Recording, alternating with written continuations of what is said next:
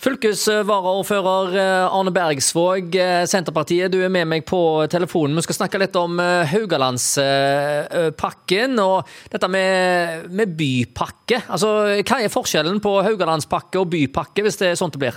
Altså det, dagens Haugalandspakke den er jo inndelt og gjelder jo alle kommunene på, fra Karmøy i sør til, til Etni, i nord. Det som, og, og er delt inn i prosjekter rundt i hele det området. Det som er tanken med en bypakke i Haugesund, er jo at det blir bommer rundt Haugesund, og muligens eh, fastlandskarmøy, der eh, en i større grad tilrettelegger for kollektiv og sykkel og gange enn eh, dagens pakke, som er, som er mer retta mot vei. Og så er det jo òg å få en løsning på, på ny Risøybru.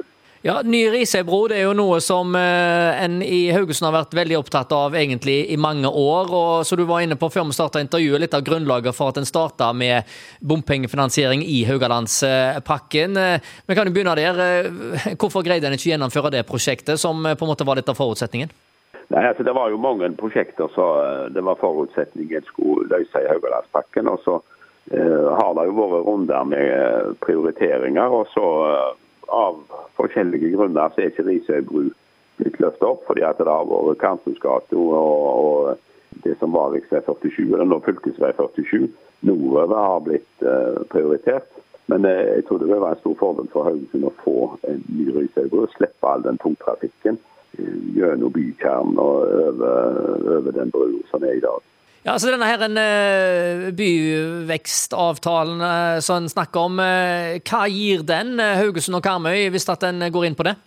Altså, Det vil jo gi noe midler, det er jo litt uklart. Det er de største byområdene i Norge har jo fått for så vidt gunstigere avtaler. Det vil nok ikke bli til den størrelsesorden der, men det er jo satt av noen midler som da skal kunne, skal kunne bidra med fra statens side for å løfte kollektiv og sykkel og gange. og Det går jo på at en skal unngå vekst i biltrafikken i byene for å tilrettelegge mer for andre kvaliteter.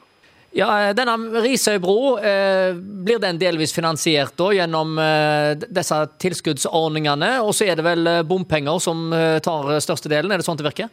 Ja, det vil være, det vil være krav om eh, Sånn som det ligger an til nå, iallfall, så er det jo da krav om at det være, må være bidrag fra fra eh, kommune og fylke og stat i lag med bompenger. Men det er klart bompenger vil være en vesentlig del for å, vesentlig del for å få det realisert.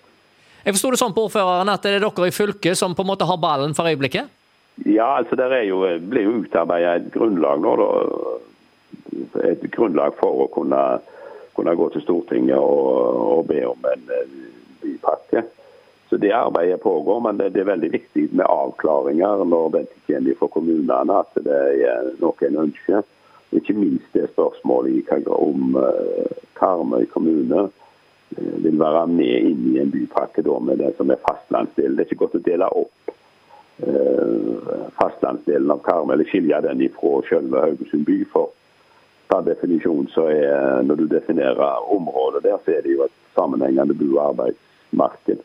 Og eh, det blir ikke godt å få til en, en pakkeløsning der med mindre begge er med. Så det er jo veldig avgjørende og viktig at uh, en lokalt uh, holder trykk oppe når, når en skal få de avklaringene, som da vil skje til høsten og, og våren.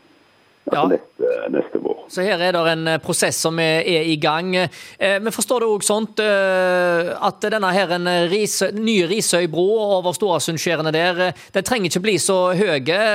Eh, nye beregninger viser nå, eller nye krav viser nå at en kan bygge ei bro som er mye lavere, og det gjør det billigere og enklere å, å, å bygge dette.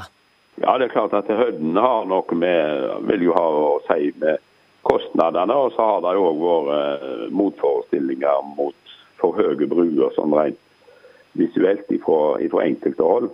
Men eh, det er klart kosten vil, eh, du vil holde en lavere kostnad på det når hun er lavere. Og så er det jo klart det å komme i, i land og, og, og vil jo kunne være kortere hvis du er lavere, for du slipper de store stigningene.